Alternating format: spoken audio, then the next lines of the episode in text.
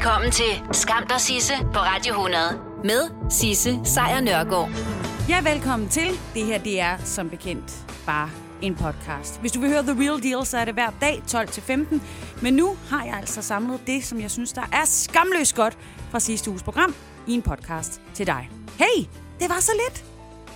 Skam der Sisse på Radio 100 præsenterer dagens skamløse øjeblik. En whistleblower, det er en øh, betegnelse for en person, som oplyser om øh, kritisable eller ulovlige øh, forhold i selskaber, i organisationer eller i offentlige institutioner. Øh, ofte et sted, hvor den pågældende whistleblower er involveret, altså arbejder, har en speciel indsigt. Øh, ofte så har den her whistleblower også det, der hedder tavshedspligt. Det vil sige, at man kan godt se, hvad der foregår, men man må ikke snakke om det. Men hvis det, der sker i organisationen, i institutionen, i selskabet, er gralt nok, så er der nogle whistleblower, som altså tilsidesætter den tavshedspligt, de har over for deres ansættelse, til fordel for ytringsfriheden og til fordel for samfundets bedre velbefindende. Og dermed er hele ideen af whistlebloweren så kan få lov til at forblive anonym, fordi vedkommende jo både risikerer job, anseelse og privatliv for at handle samfunds, øh, som vidtighedsfuldt. Men i USA er det ikke bare de ting, der er på spil. I USA der er det faktisk også sådan, at en whistleblower i øh, den her tid risikerer livet for det, som han har sagt. Det er nemlig den anonyme whistleblower, som jo altså startede sagen, som ruller i de her dage mod øh, præsidenten Donald Trump, øh, som altså er, er, er kommet ud på meget, meget dybt vand. For hans identitet er afsløret, og der er nærmest gået sport i at nævne den for nogen. Det skal handle om den her anonyme whistleblower, som jo altså startede sagen om øh, præsidenten, the president Donald Trump, og hans øh, demokratiske modstander Joe Biden og Ukraine. Han er ikke længere anonym. En, øh, en række amerikanske medier har øh, nævnt hans navn. Andre nægter at gøre det, fordi det er en slippery slide slope, som man kaster sig ud i der. Øh, og i, øh, i sidste uge, der har, øh, der har sociale medier som Facebook og YouTube, de har meddelt, at de vil fjerne alt materiale, der nævner whistleblowerens navn eller viser hans foto. Det, det, det er de simpelthen ude at, at fjerne med det samme. Til gengæld så siger Twitter, at de vil tillade, at både navn og foto af den amerikanske whistleblower bliver nævnt. Og derfor har blandt andet Donald Trumps søn, Donald Trump Jr., benyttet sig af det, og altså øh, nævnt, hvem den her whistleblower er. Og det samme har også en, øh, den konservative øh, kommentator, en der hedder Kate, øh, Candace Owens. Og øh, den afsløring fik ifølge Washington Post mere end 100.000 likes. Altså der var virkelig mange folk, der var ude og sige, uh, det er lækkert. Øhm, Candace Owens her gik så bagefter ud og fortalte, hvorfor det var, han havde øh, fortalt om navnet på whistlebloweren. Og han sagde om whistlebloweren, at han er en forræderisk spion med tætte bånd til demokraterne. Øhm, og så sendte han ellers navn og, øh, og billede afsted. På whistlebloweren, der jo ellers havde en forventning om at kunne få lov til at forblive anonym. Og der har allerede været mange, mange dødstrusler mod manden, som altså har risikeret alt for at fortælle, hvad der skete den 25. juli i samtalen mellem Donald Trump og den på det tidspunkt nyvalgte ukrainske præsident. Og det er altså en samtale, der kan koste Trump præsidentposten. Der er allerede indledt øh, de øh, forløbige undersøgelser fra en rigsretssag, at demokraterne er i den... Øh, altså er dem, der har flertal i repræsentanternes hus, og det er ligesom der, den her sag lige nu undersøges. Og imens så har Donald Trump og hans republikanske venner så øh, under hele forløbet krævet at få whistleblowerens identitet at vide og få ham afhørt i repræsentanternes hus. Og det sydenladende med et, øh, et dobbelt formål, om man vil. Fordi for det første, så vil de jo gerne sætte fokus på, at whistlebloweren ikke selv overhørte Trumps telefonsamtale. Men det er jo noget, vi har, har vidst længe. Øh, whistlebloweren overhørte den ikke, men fik det at vide, og er dermed det, der hedder et andenhåndsvidne til de her begivenheder. Og for det andet, så vil de også gerne fokusere på, at den identificerede whistleblower altså har tætte kontakter til, den demokrat, øh, til demokratiske politikere, og tidligere har arbejdet for Joe Biden, dengang han var vicepræsident, øhm, og som jo er, kan man sige, et af omdrejningspunkterne i den her sag. I mellemtiden, så har repræsentanternes hus i midlertid afhørt en række øh, centralt placerede vidner i hele den her fortælling. Og de, de bekræfter alle sammen whistleblowerens oprindelige forklaring på øh, så nøjagtigt, at det demokratiske flertal der ikke mener, at der længere er behov for at høre hans vidneudsagn. Så derfor er vi så tilbage til, hvorfor skal han så afsløres? Og der må man bare sige, det lugter rigtig meget af, at der er nogen, der er vrede, og gerne vil have hævn. For første gang nogensinde, så bor der nu flere på Sjælland, end der gør i Jylland. Det var øh, lige i slutningen af sidste uge, at de her tal kom ud. Ifølge Danmarks Statistik, så bor der nu 2.642.180 indbyggere i Jylland. Det er fint. Tillykke med det. Men det er altså lidt lavere end på Sjælland, hvor indbyggertallet nu er oppe på 2.646.379 personer. Og det må jo så være plus minus, øh, hvad der er sket i løbet af den her weekend. Jeg ved da i hvert fald, der er en af mine venner, der har fået et barn over. Så der var lige en til kaching.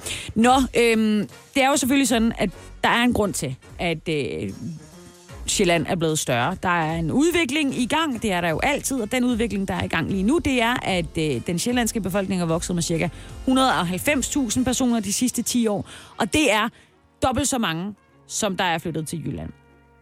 Øhm, og så skal vi også lige sige, at når vi siger Sjælland, så siger vi altså også Lolland, Møn og Falster. Så vi tager det hele. Vi tager det hele for alt tæller, og det er fint. Alene i Københavns Kommune, så er antallet af indbyggere faktisk vokset med 106.000 de, øh, de seneste 10 år. Og det er altså en større befolkningstilvækst, der er i København, end der er i hele Jylland set over den samme periode.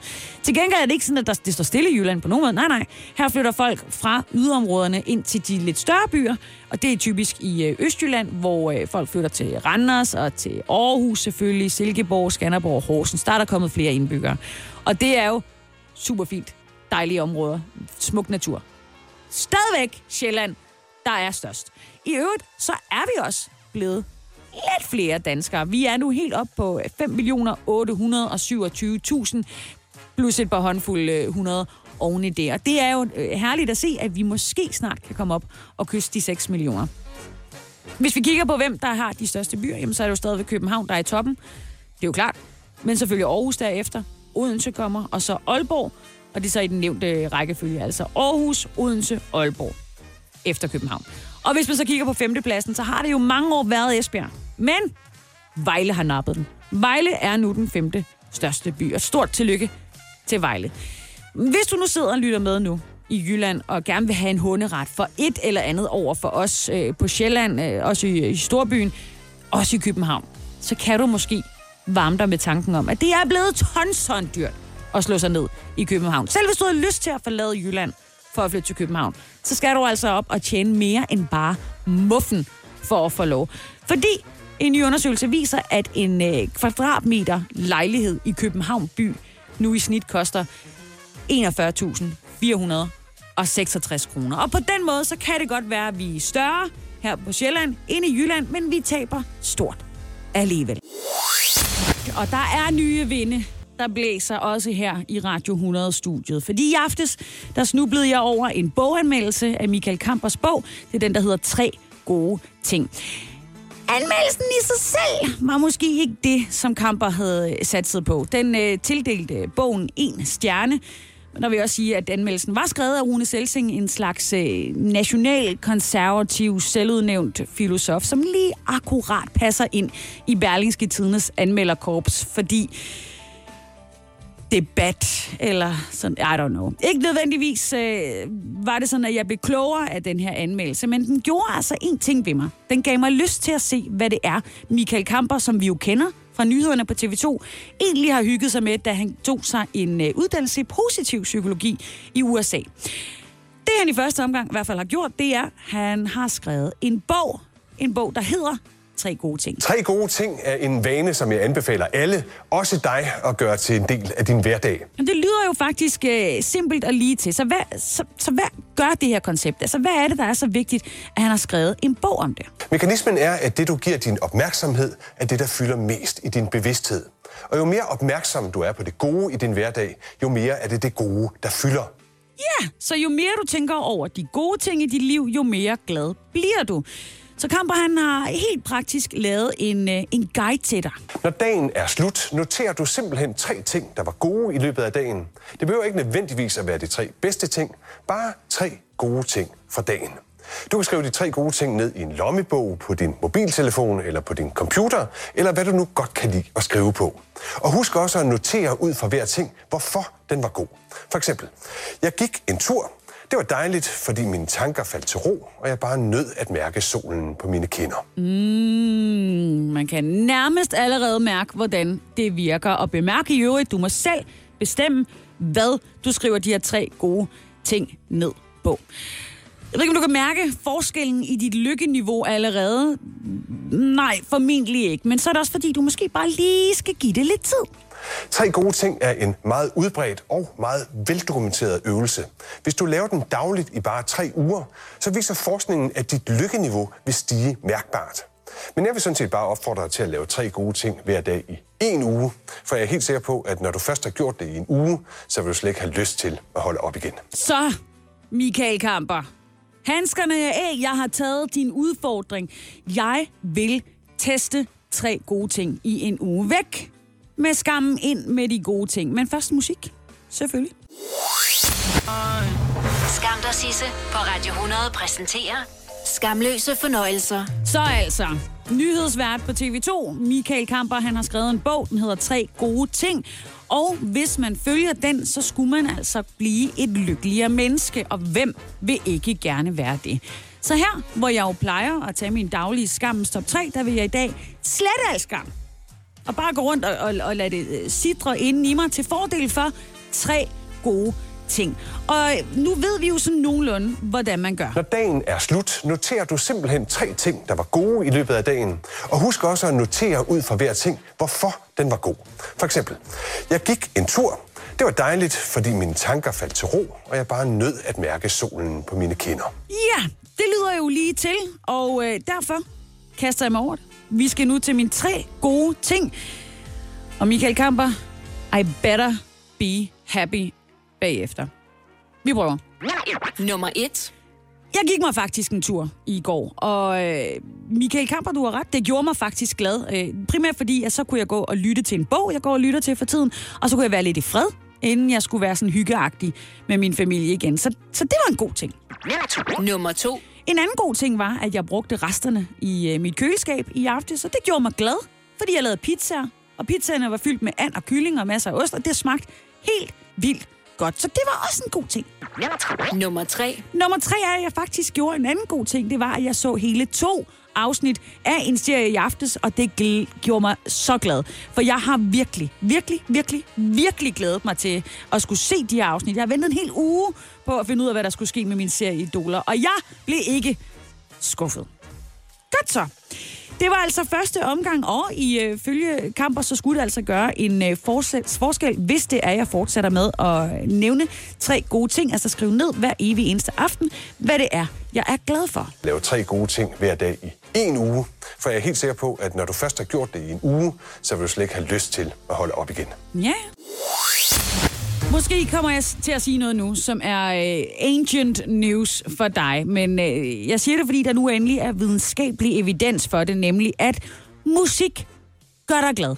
Det kan være, at du er fanget lige nu et eller andet sted i regnvejret, eller det kan være, at du er syg, mens alle dine venner skal til håndbold, og, og du hænger lidt med næbet. Men det kan muligvis være væk, det hængende næb, hvis du bare bruger et klik på at finde noget musik frem, fordi så kan dit humør komme tilbage igen. Det er et, øh, et nyt videnskabeligt studie, som viser, at du bare skal lytte til noget glad popmusik i så lidt som 5 minutter, før du selv bliver glad i låget. Så hurtigt så hurtigt virker det. Det er en undersøgelse, der er foretaget af det britiske akademi for lydterapi, og det er noget, de har lavet i samarbejde med en streamingtjeneste selvfølgelig, en der hedder Deezer. Og øhm, de har så sat øh, musikforbruget hos i alt øh, 7.500 mennesker fra forskellige lande under en rigtig forskerlook. Og der har de så undersøgt, hvordan øh, musik påvirker os mennesker, og hvilke genrer, der, der har den bedste virkning på øh, forskellige sindstilstande. Og det giver måske lidt sig selv, at når du er i et dårligt humør, så skal du nok ikke yderligere så sætte øh, Requiem øh, på. Så kan det godt være, at du måske kommer lidt mere ned. Men hvis du nu for eksempel smider noget popmusik på, så kan du komme op i gear igen. Undersøgelsen her den afslørede også, at folk i gennemsnit skal lytte til 11 minutters musik for at øhm, få det, de kalder den terapeutiske effekt af det. Og hvad er det så for noget musik, man skal lytte til? Well, det kan være hvad som helst, men hvis du lytter til popmusik, så er der faktisk en undtagelse her. Det gør nemlig, at hvis du er i nedturshumør, og du lytter til bare 5 minutter, ikke 11 minutter som er andet musik, men bare 5 minutter med glad musik i ørerne, så bliver du også glad. I know!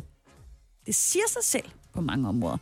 Jeg øh, kigger på, hvad øh, de her mennesker i undersøgelsen øh, havde det allerbedst med, hvilke sange, der gjorde dem i allerbedst humør. Men først så skal du have lidt af vores egen popmusik. Er du på udkig efter en ladeløsning til din elbil? Hos OK kan du lege en ladeboks fra kun 2.995 i oprettelse, inklusiv levering, montering og support. Og med OK's app kan du altid se prisen for din ladning og lade op, når strømmen er billigst. Bestil nu på OK.dk. Hej skat. Hey mor, jeg har lige fået en kontrakt med mit arbejde. Gider du læse den igennem for mig? Jeg synes, vi skal ringe til Det Faglige Hus. Så kan de hjælpe os. Det Faglige Hus er også for dine børn. Har du børn, der er over 13 år og i gang med en uddannelse, er deres medlemskab i fagforeningen gratis. Det Faglige Hus. Danmarks billigste fagforening med A-kasse for alle. I Bygma har vi ikke hvad som helst på hylderne. Det er derfor, det kun er nøje udvalgte leverandører, du finder i Bygma. Så vi kan levere byggematerialer af højeste kvalitet til dig og dine kunder. Det er derfor, vi siger, Bygma. Ikke farmatører. Du vil bygge i Amerika? Ja, selvfølgelig vil jeg det. Reglerne gælder for alle. Også for en dansk pige, som er blevet glad for en tysk officer. Udbrændt til kunstner. Det er jo sådan, at direktør Conradsen, han ser på mig. Jeg har altid set frem til min sommer. Gense alle dem, jeg kender. Badehotellet den sidste sæson. Stream nu på TV2 Play. Jeg taler om popmusik, og hvilken effekt den har på os mennesker, som lytter til den. Det er sådan, at hvis du lytter til øh, 11 minutters musik, jamen øh, så får du en terapeutisk effekt. Det viser en undersøgelse, der er foretaget af det britiske akademi for lydterapi i samarbejde med en streamingtjeneste, der hedder Deezer. 11 minutter almindelig musik, så bliver du øh, i bedre humør. Men popmusikken, den trumfer. Hvis du bare lytter til 5 minutter med glad musik i ørerne, a.k.a. popmusik, så bliver du gladere. Og i den her undersøgelse, så var der selvfølgelig også nogle foretrukne valg til de her mennesker, når de gerne vil blive i, øh, i bedre humør. Og øh, måske ikke så overraskende, så var på deres øh, hitliste over musik, der gør dem i bedst humør, den her.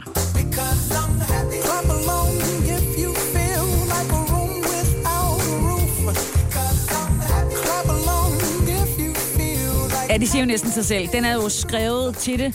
Pharrell Williams med øh, kæmpe hittet her, der hedder Happy, er den sang, som gjorde øh, flest mennesker i, øh, i godt humør ifølge den her undersøgelse. Og det er jo herligt. Det er jo lige til. Man kan finde den på stort set alle streamingtjenester og, og så videre. Jeg spiller den også tit her i programmet, så den gør dig i godt humør. Fem minutter med den, og alt er godt. Så var der den her. You, you love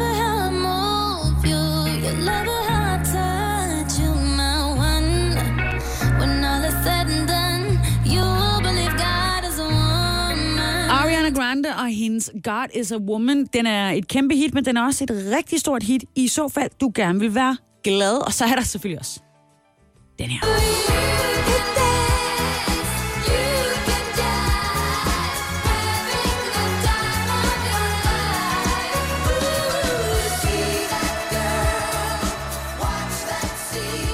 Det giver jo sygt god mening, at Abbas Dancing Queen er med på den her liste. Den virker jo, jeg tror ikke engang, at du behøver fem minutter med den. Det er simpelthen bare lige at spille omkvædet, og så er du i strålende humør.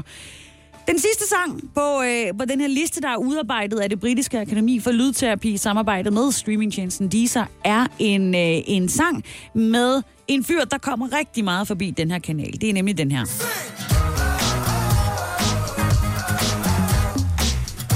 Ed Sheeran. Og endda i det her tilfælde også i samarbejde med Pharrell Williams, som jo lå på førstepladsen med hans kæmpe hit Happy. Og øh, simpelthen musik, der på bare 5 minutter gør dig glad. Og musik kan meget mere end det. Eller, altså, meget er måske så meget sagt, men det kan i hvert fald gøre en, øh, en del ved dig, og øh, du skal lige have noget øh, god popmusik for at gøre dig i lidt bedre humør, og så kan du høre mere om det. Altså, så 5 minutters lytning til popmusik gør dig gladere, men hvad sker der, hvis man gør det her?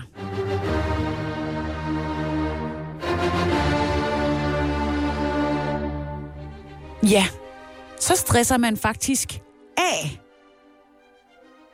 Klassisk musik skal på anlægget, hvis du gerne vil være øh, mere afslappet. Og øh, på den liste, der altså er blevet udarbejdet under den her undersøgelse, som er foretaget af det britiske akademi for lydterapi, om hvilken musik, der gør det bedste arbejde for os, der var brugerne enige om, at Beethovens 5. symfoni, altså den, du hører lige nu, viser at være det bedste musik, du kan høre, hvis du vil slappe af. Og jeg ved ikke med dig, men for mig, der, der virker den lige modsat. Jeg kan nærmest ikke blive mere stresset, end at skulle høre den der. Der, der er for meget øh, pong på. Men det er jo det, der hedder smag. Øh, der er nogle mennesker, der har en slags smag, andre har noget andet. Især når det kommer til musik. Ja, hvis jeg sætter noget Coldplay på, læner mig tilbage og føler, at det er super afslas, øh, afstressende, så kan det være, at du sidder med fugtige øh, håndflader og hjertebanken, fordi du bliver forladt af en kæreste under en Coldplay-sang.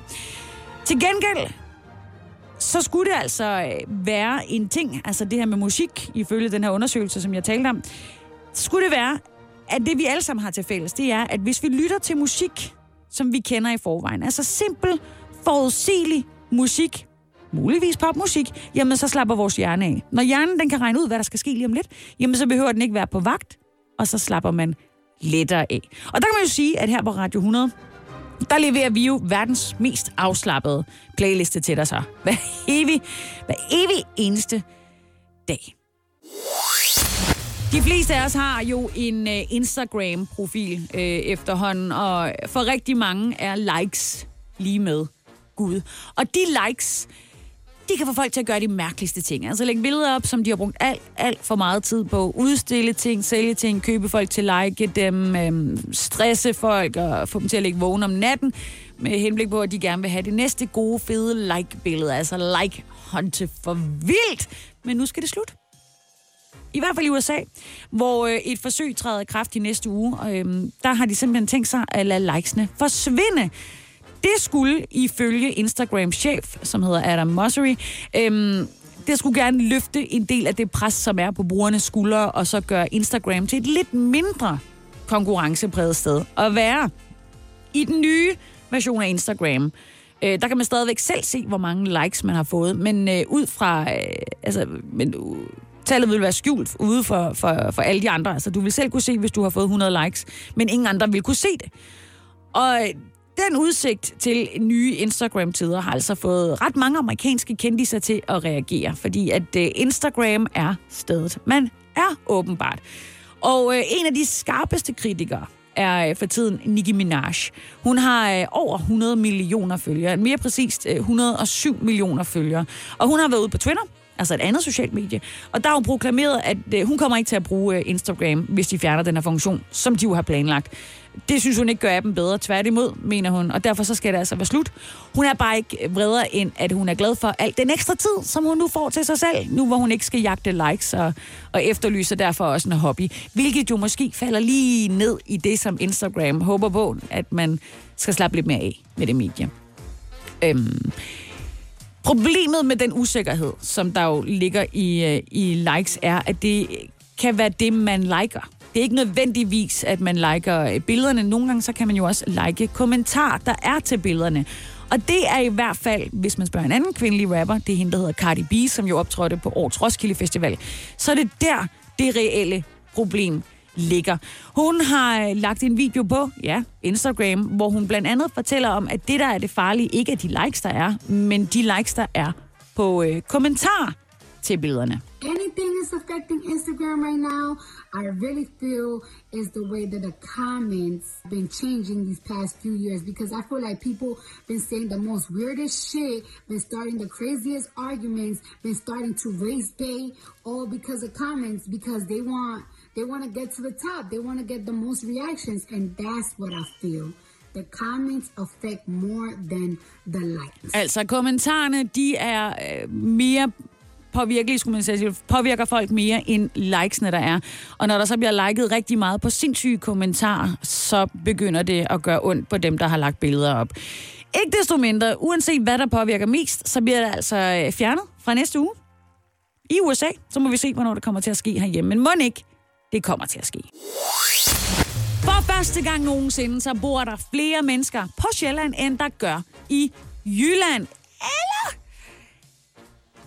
det var i hvert fald overskriften på et nyhedstelegram, som øh, nyhedstjenesten Ritzau de sendte ud i sidste uge, altså i fredags.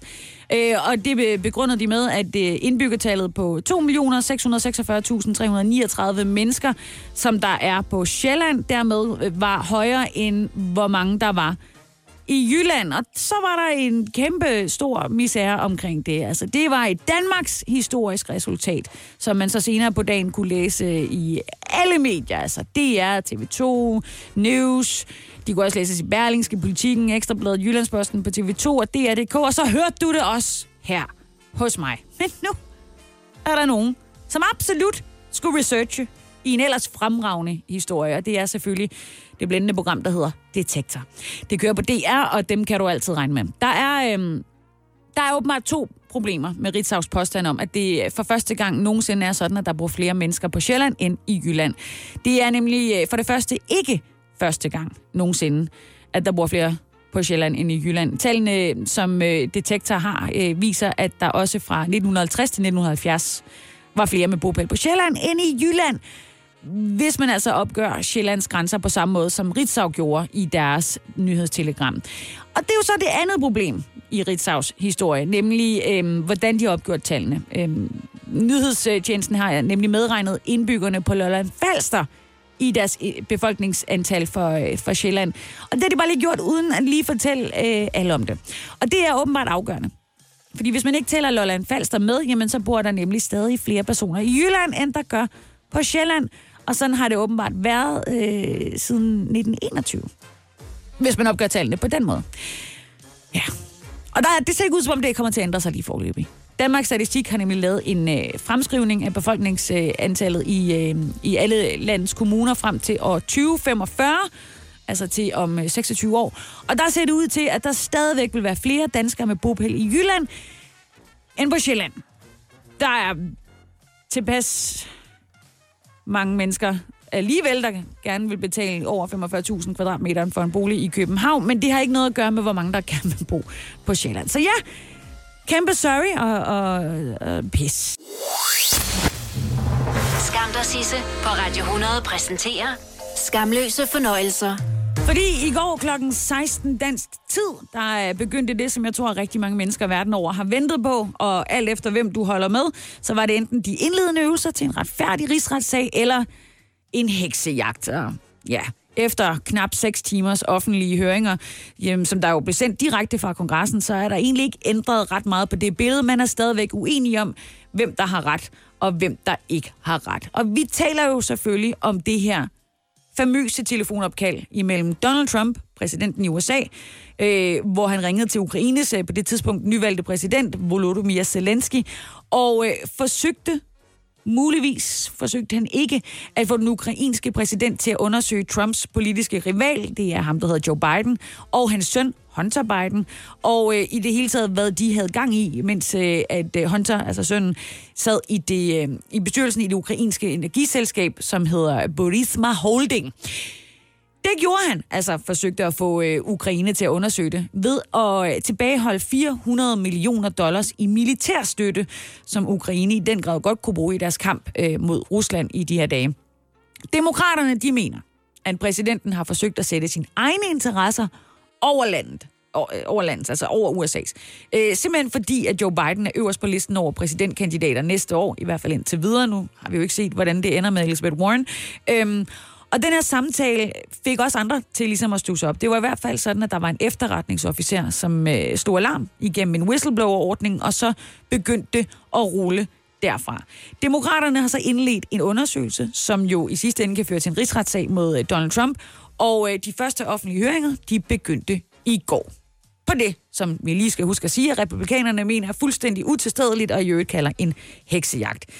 De siger også, at der ikke er noget at komme efter øh, i og med, at militærbistanden, som jo var forhandlingspunktet, det springende punkt, de 400 millioner dollars, de blev frigivet til Ukraine. Så derfor kunne der jo ikke være tale om, at det havde været et krav for ukrainerne. iværksatte jo ikke nogen efterforskning af Biden. Omvendt er der også indvendinger om, at militærhjælpen til Ukraine først blev givet den 11. september, og det var vel at mærke efter, at det hvide hus var orienteret om, at den her indberetning for whistlebloweren var i gang med at sprede sig.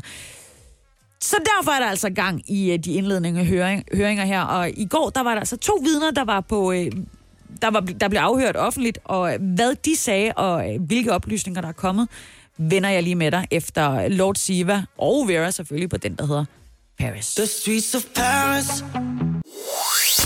Så i går, der rullede demokraterne i USA øh, det tunge skyts ud. Og så blev der afhørt vidner, og især det ene vidne havde, i hvert fald i min verden, forholdsvis meget breaking news. Det er jo den her sag mod Trump, der nu er offentlig, og i går der var det så de to højtstående diplomater, William Taylor, øh, også kaldt øh, Bill Taylor, hvis du bliver forvirret over, der er nogen, der siger noget andet, og øh, George Kent, der var inde for at kaste lys, nyt lys over, hvad der øh, egentlig er foregået, både før og efter den samtale, som der jo i sommer fandt sted mellem Trump og Ukraines præsident, Volodymyr Zelensky. Øhm, William Taylor, ledende diplomat, øh, også i øh, Ukraine. Han gentog meget af det, han allerede havde sagt på en, en tidligere afhøring, som så var bag lukkede døre, men hvor der jo selvfølgelig er kommet masser af ting ud alligevel. Det er jo USA.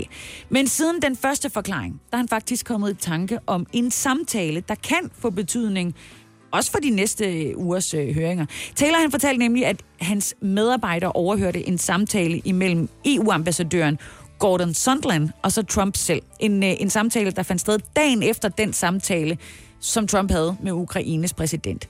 Og her, der skulle Trump specifikt have spurgt til efterforskningerne. Og ifølge øh, Taylor her er der ikke tvivl om, at det handlede om efterforskningerne af energiselskabet Burisma og Joe og Hunter Bidens rolle i alt det her. Og Sondland skulle så efterfølgende have sagt til Trump, at, øh, eller efterfølgende har sagt til Taylor, at Trump var meget interesseret i øh, efterforskningerne af Biden, mere faktisk, end han var i hele det politiske forhold mellem USA og Ukraine. Altså det handlede mere om Trumps næse, end det gjorde om diplomatiets næse, om man vil. Gordon Sondland her, han blev jo et øh, udpeget som EU-ambassadør, efter han havde doneret et uh, lille millionbeløb til, til Trump. Og um, sådan kan man jo også blive diplomat. Øh, Sondland han har også erkendt i sidste uge, at han øh, overbragte en besked til øh, den ukrainske regering om, at den, øh, den her militærhjælp på 400 millioner dollars, 2,7 milliarder kroner, øh, var betinget af, at der blev sat en efterforskning i gang. Og i det hele taget var diplomaterne på vidneskamlen overhovedet ikke i tvivl om, hvorvidt amerikanerne er klar over, at der er to linjer af udenrigspolitik. Der er den officielle og den uofficielle. Den øh, amerikanske og den trumpske om man vil. Den, hvor amerikanerne er det, som vi kender dem for, altså de hjælper og støtter, hvor de kan, øh, og den, hvor urinerne hjælper Trump med at få den hjælp, øh, som han har brug for, for at kunne øh, vinde et valg næste år. Øhm, og i midten af det hele, så er der så Trumps advokat, den tidligere borgmester i New York, Rudy Giuliano. Og, og det er, der var bare generelt i går dårligt nyt for Trump. Omvendt, så handler det jo om politik og hvordan man tolker det, og republikanerne er jo mestre i at tolke øh, alle mulige historier til deres egen fordel. Og det må de jo så øh, kunne gøre. Altså Trump har ikke øh, selv overhovedet sagt andet, at han ikke erindrer, at han har øh, gjort noget forkert overhovedet. Så i morgen, der, der fortsætter det. Der bliver det den øh, tidligere USA-ambassadør i Ukraine, der snakker, og så er der altså otte vidner yderligere i næste uge. Så knækker bike. Og øh, her i øh, foråret, der får de faktisk øh, på færgerne en weekend, som gerne øh, ser ud til at i hvert fald at blive en del mere rolig, end hvad de er vant til. Fordi nogle gange, så skal naturen bare lige have en break. Og i øh, færgerne, der får naturen faktisk en pause. De får, den får faktisk en hel weekend.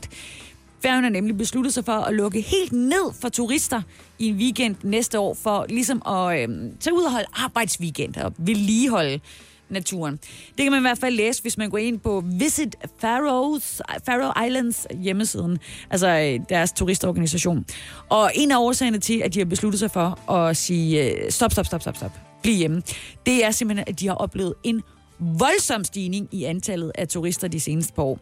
I 13 der var der 68.000 turister, der besøgte landet. Og sidste år, der var det tal over 110.000. Og det, det kan man lige sammenligne med, at der bor 51.000 mennesker i Færøerne. Så det er sådan ret mange mennesker, der kommer. Og, og det, man måske glemmer lidt på den måde, det er, at hvis man skal lande i Færøerne, så er det vidderligt knald eller fald, om man overlever. Deres lufthavn er det mest sindssyge arrangement ever. Så at der er 110.000 mennesker, der beslutter sig for at gennemgå det, er i sig selv wow.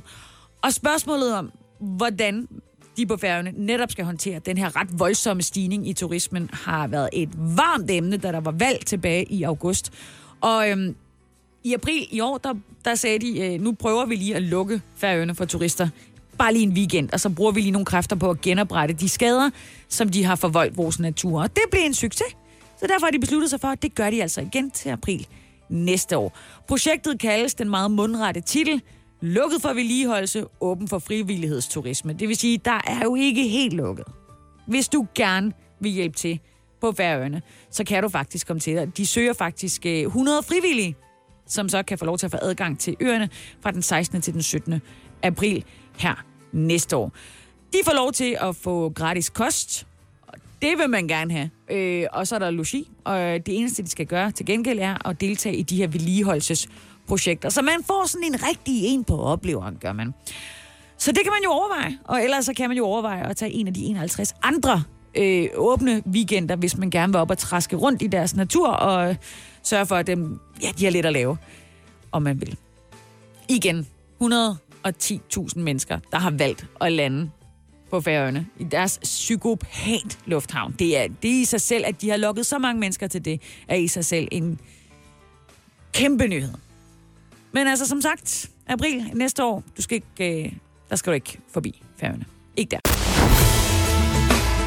Skam dig, Sisse, på Radio 100. Med Sisse Sejr Nørgaard.